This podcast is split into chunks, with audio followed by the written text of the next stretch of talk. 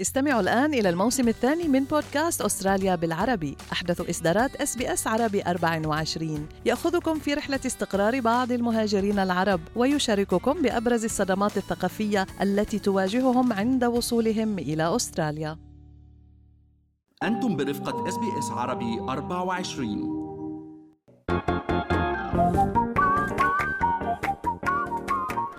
أهلا وسهلا فيكم ببودكاست منوعات من Good Morning Australia البرنامج الصباحي على SBS عربي 24 أنا فارس حسن.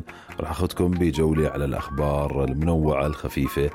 ولو إنها كانت خفيفة اثارت جدالات الحقيقة على مواقع التواصل الاجتماعي. رح نبلش مع الفنان السوري دريد لحام واللي كان حديث آه، ال social media بعد تصريحات له في آه، قناة الميادين على قناة الميادين. آه، مقطع من مقابلته على هاي القناة تحدث فيها عن الحرب في اليمن.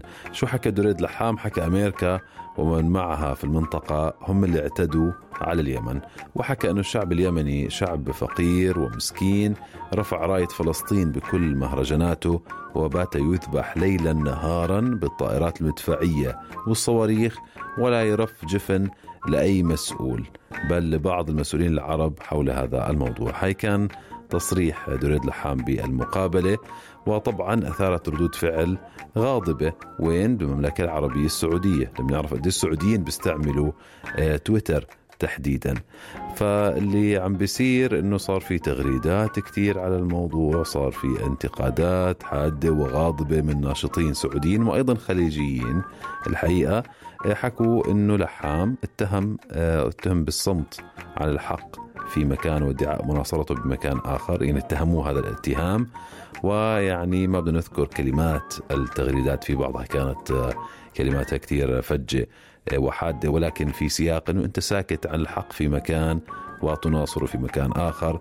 تصمت عن قتل في إحدى تغريدات ورد يعني فيها. تصمت عن قتل الأسد لأطفال سوريا بالكيماوي والبراميل. وبعدين تدين قتل أطفال اليمن على قناة الميادين تحمل مسؤولية العرب آه، وتبرئ إيران. هاي كانت إحدى التغريدات ورد فيها ذلك. آه، أيضا تغريدة أخرى آه، بتقول يبدو أنه دريد لحام طول التمثيل والمسرحيات كتبها محمد المغوط كان بيمثل بدون ما يفهم محتوى الكلام اللي عم بيردده. هلا الآخرين تساءلوا إنه بعد كلامه ضد السعودية هل تتعاقد MBC معه؟ يعني راحوا على جانب آه، التجاري واللي له علاقة بالقنوات المحسوبة آه، على السعودية أو قنوات سعودية. آه، هلأ في آخرين يعني زي أي موضوع ال social media بدول عربيه في مؤيدين وفي معارضين تغريدات أيدت دريد لحام. إحدى الأشخاص حكى يا سلام عليك يا دريد لحام وعلى كل عربي حر شريف. قال كلمة حق في زمن الصمت المخزي لمعظم من ظنناهم أخوة لنا. آخرين اعتبروا أن أيدوا كلامه إلا اعتبروا أنه متأخر يعني. حكى مع أنه متأخر بعض الشيء لأنه موقف يقدر للفنان السوري الكبير آه، دريد لحام. آخرين كمان مؤيدين وصفوه بالمقاوم آه، العربي. يعني بنعرف آه، هذا الموضوع. كلنا يعني بنعرف تفاصيله وشو عم بيصير هناك في هدنة الآن باليمن. تنتهي ب 2 حزيران يونيو المبعوث الأممي يعمل على الأرض اليوم بشكل مكثف على تجديدها. اسمه هانس جروندبرغ حكى اليمنيين عانوا لفترة طويلة من الإغلاقات ففتح الطرق بتعز وغيرها من المناطق. يعني جوهري وجزء أساسي من هاي الهدنة. بتعرفوا يعني في عائلات تفرق شملها بين جبهات النزاع وفي أطفال مش عارفين يروحوا على المدارس. فبنتمنى إحنا من هون دائما نتمنى السلام لكل الدول العربية. نروح من هذا الخبر على خبر ثاني على بغداد. يبدو الأزمة المرورية آه، يعني صارت خانقة جدا. ملايين السيارات في شوارع العاصمة العراقية آه، للأسف اليوم البنية التحتية متهالكة طرق المعبدة آه، قليلة والعراقيين اليوم سكان بغداد عم بيطالبوا بحلول سريعة. يعني أما يبنوا مدينة اقتصادية جديدة أو يكون في تنشيط لدور وسائل النقل العام حتى يواجهوا هذا التكدس إيه، الهائل يعني بنعرف آه، مدن عربية كبرى ما في حلول يمكن بالأفق لأزمة للأزمات المرورية اللي هي طبعا بتأثر على الإنتاجية بتأثر على الاقتصاد وبتخلي الواحد قاعد بالسيارة غاضب. طبعا يعني إنك تعلق مثلا بأزمة مرورية خانقة لساعات.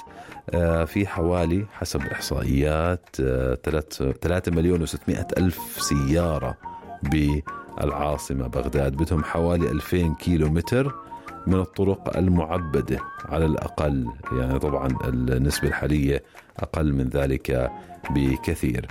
يعني البعض يقولون ربما تقنين إدخال المركبات الجديدة التركيز أكثر على وسائل النقل العام على الدراجات النارية بناء مدينة حتى إدارية جديدة خارج حدود العاصمة الحدود التقليدية العاصمة بغداد نقل الوزارات الهيئات الحكومية. ممكن تخفف الضغط على الشوارع الحالية. شفنا إجراء شبيه في العاصمة المصرية القاهرة صار في عاصمة جديدة والوسط التجاري المعروف للقاهرة عند نهر النيل وكل هاي الهيئات الحكومية بدأت تنتقل تدريجيا إلى العاصمة الإدارية الجديدة. فهل نشهد شيء شبيه في بغداد قريبا بدنا نستنى ونشوف. نروح على موقعنا الإلكتروني. خبر حزين كثير مقتل أكثر من 30 شخص بينهم أطفال في حادثة تدافع في كنيسة في نيجيريا. يوم السبت كان حفل خيري للكنيسة مزدحم كان يتم توزيع الطعام. شرطة وشهود حكوا أن الأحذية والنعال تناثرت على الأرض بعد الكارثة في مدينة بورت هاركورت.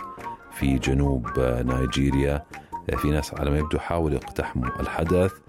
شرطة الولاية اللي فيها هاي الكنيسة حكت المنظمة كنسية محلية كانت تقدم الطعام والهدايا للفقراء. لما خرج حشد ضخم للأسف عن السيطرة. يعني حوادث التدافع دائما مؤلمة جدا يعني يقع ضحاياها العديد من الأشخاص. 30 شخص أكيد لأرواحهم جميعا الرحمة.